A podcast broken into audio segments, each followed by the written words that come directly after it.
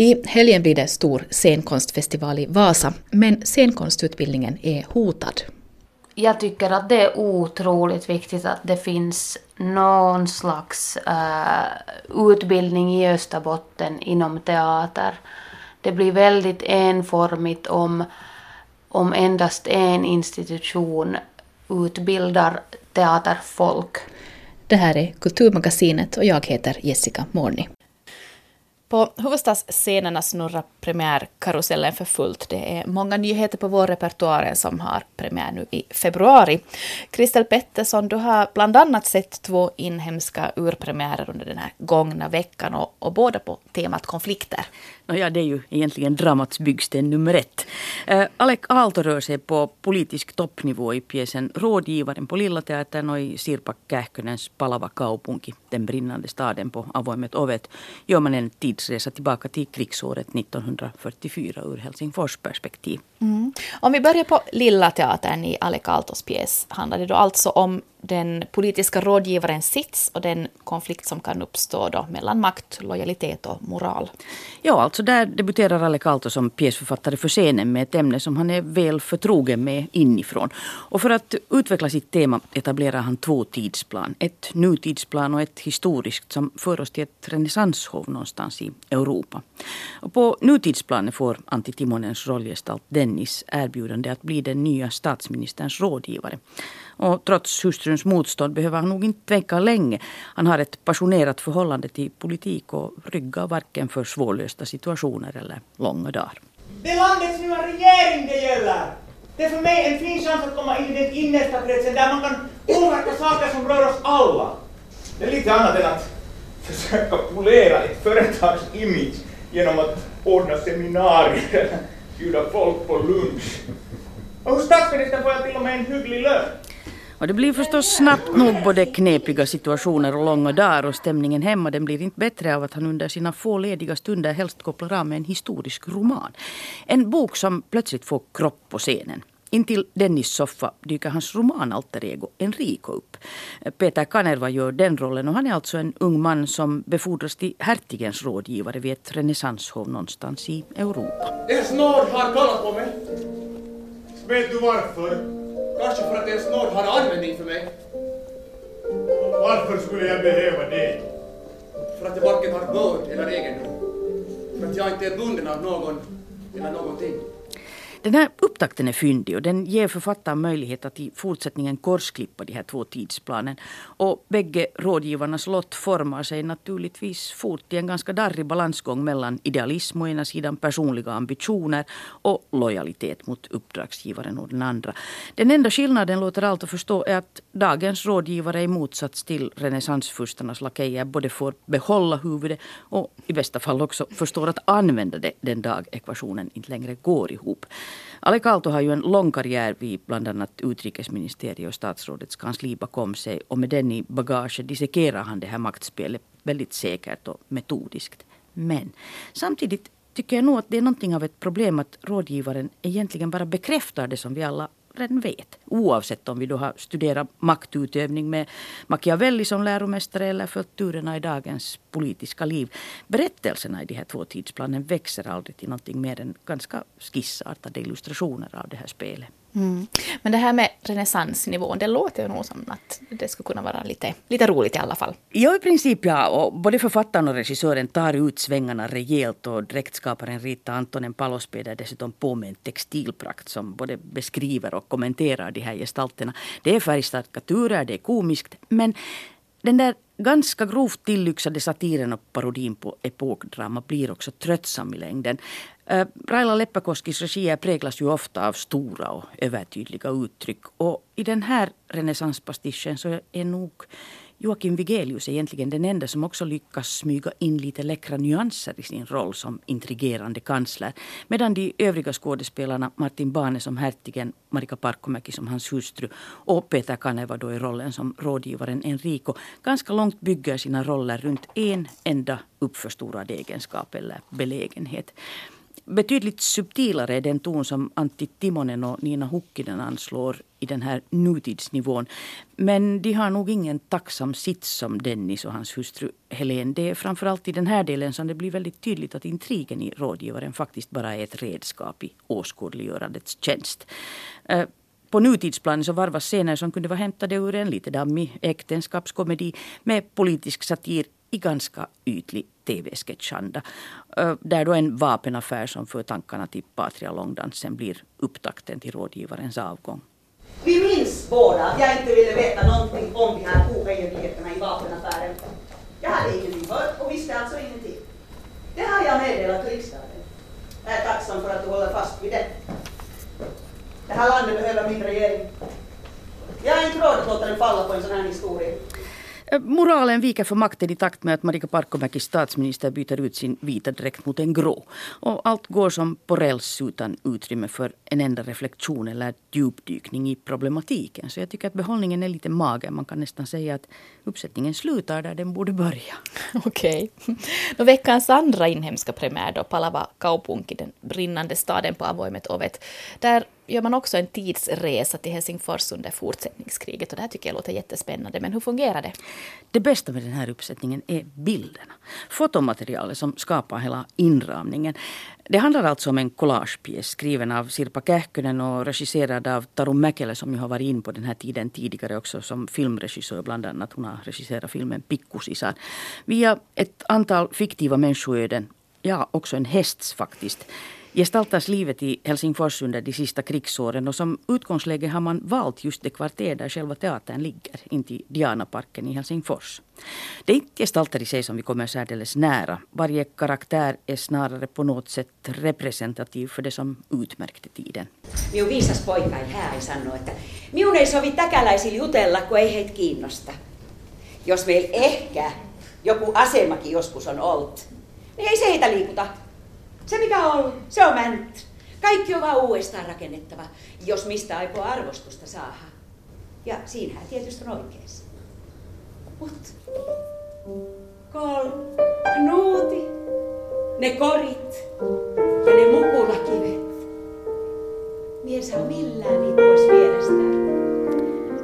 Ja kaféägaren från Viborg har tvingats lämna sitt hem. Hennes spurunga son blir inkallad och hans fästmö hjälpsyster på ett sjukhus. Husets barn sänds till Sverige eller ut på landsbygden. Alla har anknytning till samma fastighet men få är där de borde vara eller bara några år tidigare har tänkt vara. Det finns alltså en hel del element i den här uppsättningen som vi nog har mött många gånger förr också på scenen. Men det som kanske skiljer den lite från mängden är att den inte spelar så mycket med nostalgi. Och där kommer bilderna in. Rekvisitan på scenen är mer eller mindre bortskalad. Istället får fotografierna som fyller hela fondväggen skapa miljön. Och det är fotografier från Stadsmuseets arkiv och från Försvarsmaktens bildbank som väcker det förflutna till liv. Men i den där förstörelsen vi ser finns absolut ingen nostalgifaktor. Joukola on tullut. Pitääkö siitä Joukolasta, kun meidän talo on keskeltä halki? Ei ole halki. Kadulla on suutari, se ei räjähtänyt. Älkää lietsoko. Älkää menkö sinne kadulle. De här karaktärerna däremot blir nog ganska tunna och där spelar både Taru Mäkeläs regi och skådespelarnas gestaltning också ganska långt med klichéer. Sinikka Sokka, Reetta Ristimäki, Kari Hevossaari och uppsättningens kapellmästare Suvi Isotalo gör en standarduppsättning. Där finns då de här talträngda karelarna, ampra gårdskarlskärringarna och frustrerade medelklassdamer som faller för tyskt officersgalanteri. Men Också här plockar nog uppsättningen rätt konsekvent fram det som är gemensamt för dem alla. Deras försök att leva vidare under omständigheter som de egentligen inte rår på. Mm. Till det här collaget så hör också mycket musik. Och då kan man ju tänka sig att det skulle vara ganska naturligt med tidens populärmusik. Är det på det sättet? Nej, inte alls. Mm. det finns ljudeffekter från tiden, men all musik är skriven av Anna-Marie Kähärä med en stor del av textförfattarna är knutna till den tiden. Och i deras texter ryms både tidsandan och kommentarer till den, men utan patriotiska brösttoner. Och i Kähkönens egna texter återkommer både brottstycken ur en handbok i lusbekämpning och en guide i luftskydd. Så här låter till exempel den väldrillade skådespelarkvartetten i stycket Mina pommi. Miina pommin räjähdys ääni on kumea ja jylhä, ikään kuin vähän pitkäveteinen, ukkosen tapaan. Räjähdyksestä nousee korkea yleensä tumma savupatsas, johon on sekoittunut lentäviä kappaleita, maata ja ynnä muuta. Palopomin tukahduttaminen onnistuu varmimmin heti, heti sen syttymisen jälkeen. Palavat pommit on koitettava esimerkiksi siirtää lapiolla palamisen alussa palamattomalle alustalle. Pistoliekit ja kipinöiminen on vaimennettava kuivalla hiekalla. Och där på scenen så blir den där effekten mellan handbokstexten och den här klämkäcka tonen helt grotesk. Palava kaupunki är framförallt en hyllning till människor i krigets skugga och tyngdpunkten ligger helt klart på att det här är någonting vi aldrig vill uppleva igen. Och det är nog en insikt som förmodligen känns skrämmande aktuell igen för de flesta av oss. Mm. På något vis har det kommit ganska nära i de här tiderna. Tack ska du ha, Kristel Pettersson. Vi ska fortsätta prata scenkonst på scenkonstutbildningen i Novia i Vasa så hade den senaste tiden varit en hel del tal om nya finansieringsmodeller och om inbesparingskrav. Reporter Alexandra Häggman begav sig till scenkonstens utrymmen på kasernområdet i Vasa för att prata med lärare och elever där. Och trots att man inte med säkerhet kan säga hur framtiden för skolan kommer att arta sig så är rummen på Teater Casa fulla av skaparglädje, kreativitet. Och det här på grund av att de studerande på den fysiska linjen nu är i full gång med att repetera inför den kommande scenkonstfestivalen som går av stapeln inkommande helg. Vi träffar bland annat Stina Öman som är profileringsansvarig för den fysiska linjen vid scenkonsten men allra först så hör vi studerande Josefin Karlsson berätta varför festivalen heter just Pild. Pild, eh, det är ju en festival med nio stycken fysiska föreställningar och vi valde till slut namnet för att Pild står för avskalat. Folk gör sina personliga arbeten nu. Äh, första gången lite större arbeten. Och alla har fått själv välja precis vad de håller på med. Så därför är det mera kanske vågat och mera skrämmande. Men sen finns det olika betydelser för bild som ni kommer att få se i programbladet. Mm. Vad betyder en sån här festival för, för er? Det är ett bra tillfälle att träffas med mycket folk. Men framför allt är det en ett tillfälle för de studerande att visa något helt eget men tillsammans med andra. Så att det är många i samma båt så att säga.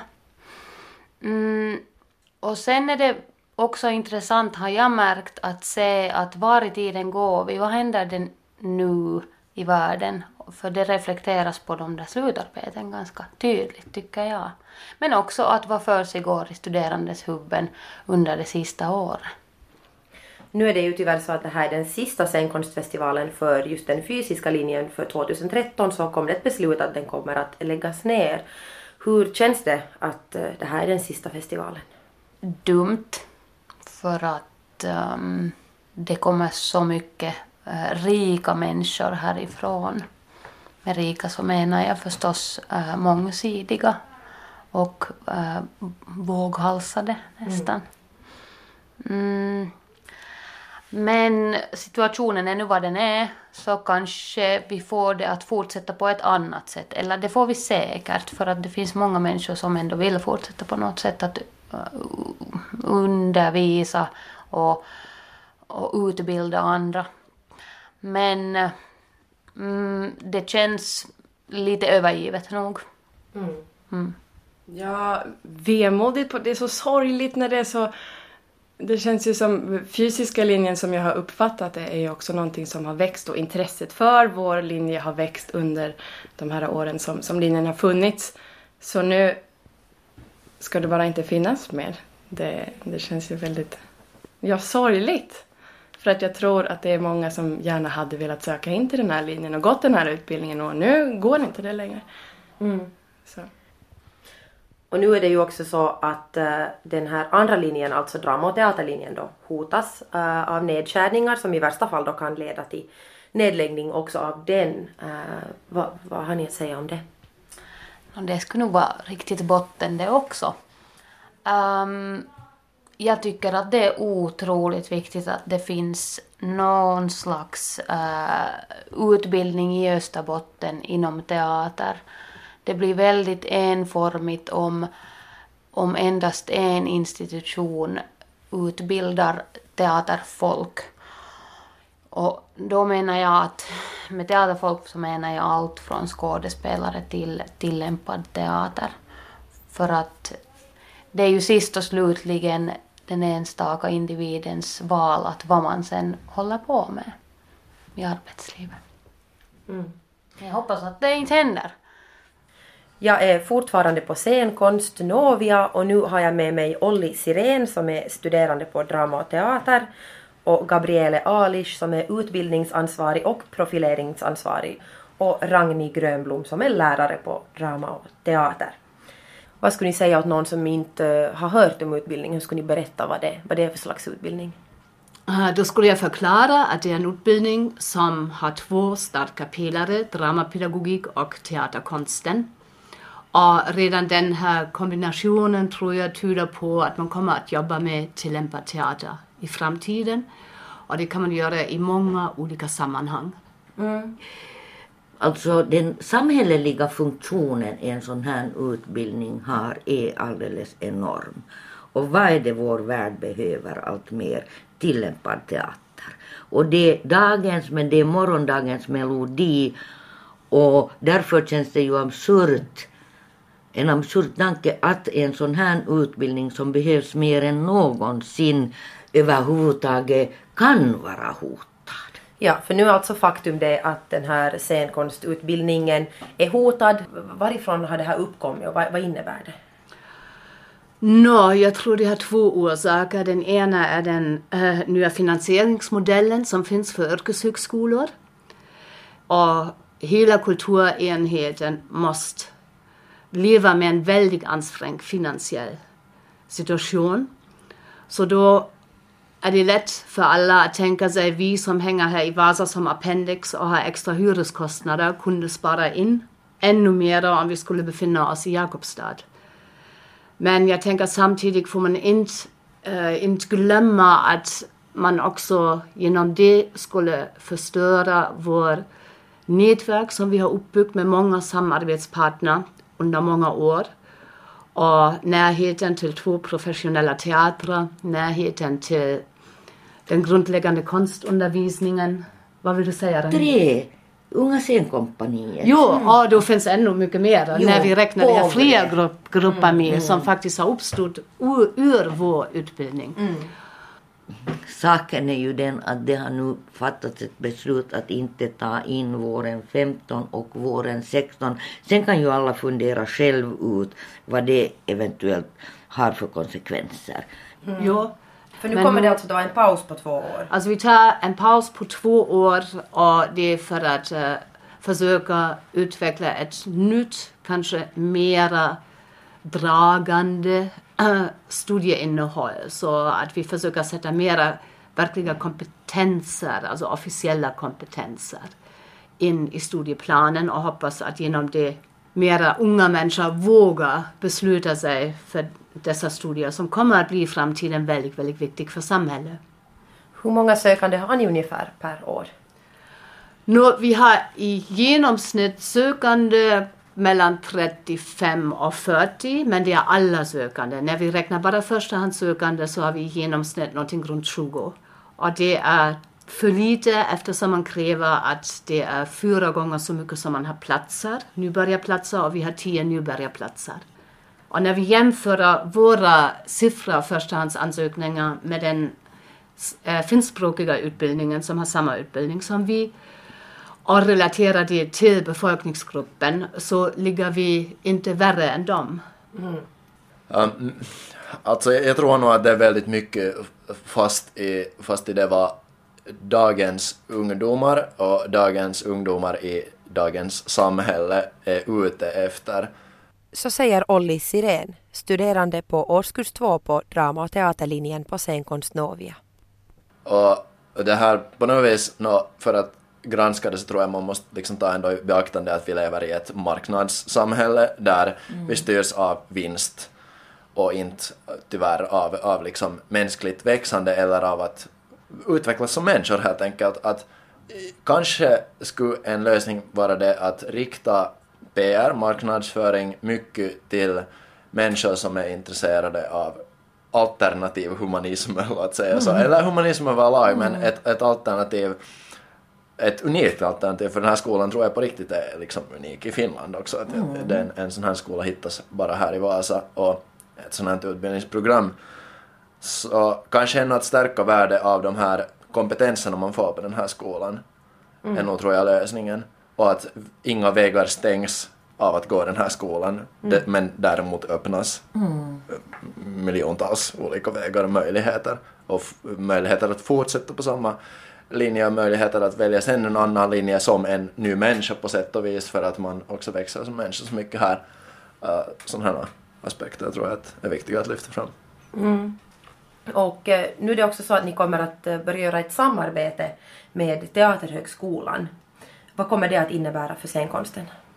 Jo, det innebär att Teaterhögskolan har signaliserat att de öppnar i framtiden, redan från och med 2016, sin mastersprogram.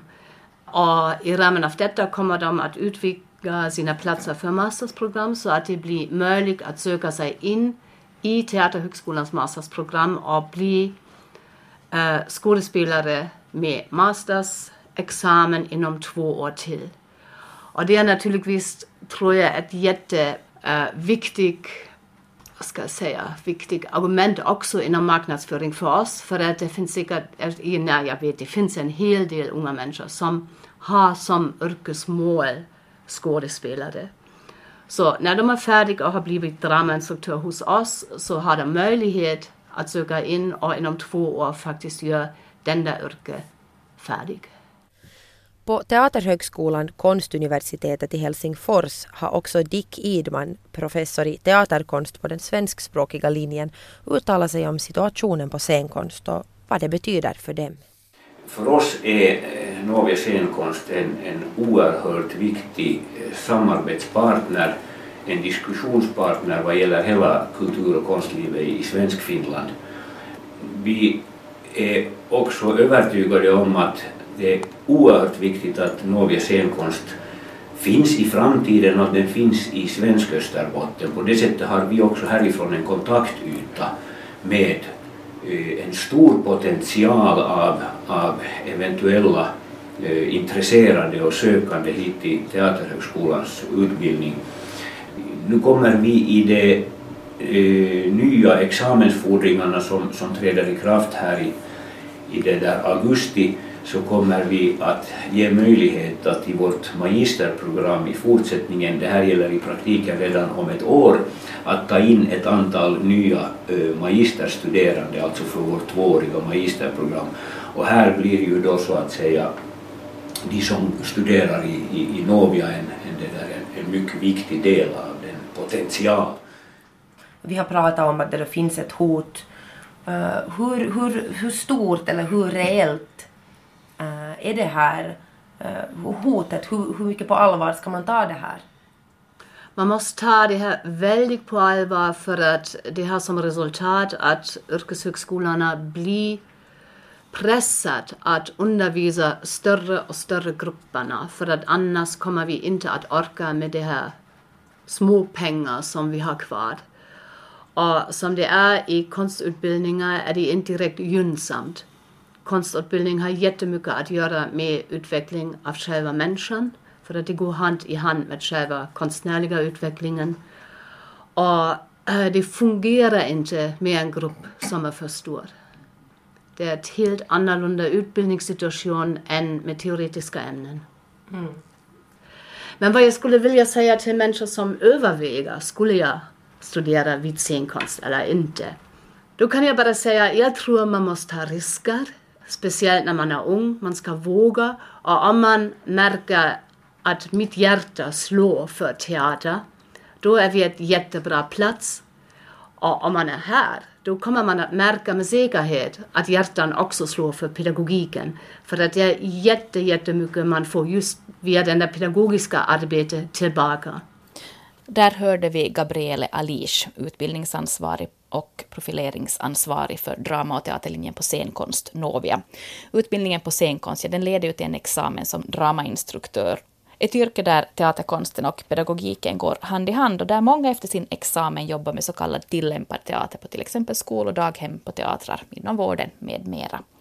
Inkommande helg är det alltså dags för årets scenkonstfestival. Mera information om man är intresserad så hittar man på scenkonstens hemsida www.scenkonst.fi och reporter var Alexandra Häggman. Till sist i dagens kulturmagasin vill vi uppmärksamma en satsning av Nationalmuseet i Helsingfors.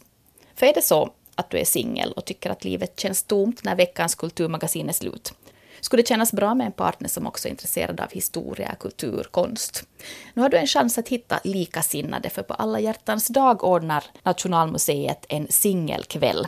Kanske hittar du din själsfrände i samband med rundvandringen och de blinddater som ordnas.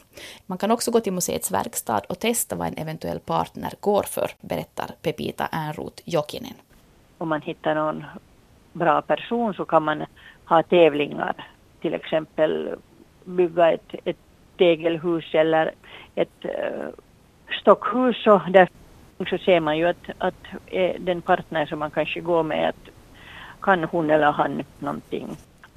Sen förstås skattkammaren. Och där kan man gå nära eh, den här ringvitrinen. Och samtidigt man är i skattkammaren så kunde man ju lite reda ut partners pengatillstånd, hur det riktigt är med de här med de här finanserna. Finanserna, just det. Sånt som har varit viktigt i historien. Jo, det var ju viktigt att finanserna var, var okej. Okay. så att, så att det, där, det här är ju ett bra ställe då att tala om det när mm. man är i skattkammaren. Kommer kärlek att vara en röd tråd via de här olika stationerna? Kärlek är röd tråd hela tiden. Så att, att det här, men det här är bara att man liksom går igenom sådana här saker som man kan bygga upp det här träffkvällen eller förhållande eller hur man nu sen tar det. Och det här är ju ovanligt på det viset att det ordnas ju träffkvällar för singelkryssningar eh, och, och allt möjligt sånt här men det här är nu tror jag första gången jag åtminstone hör att det ordnas i ett museum. Har ni några vibrationer vad det gäller hur många som kommer att komma? Alltså har ni, har ni någon känsla för det här att om det blir en, en succé eller hur det blir?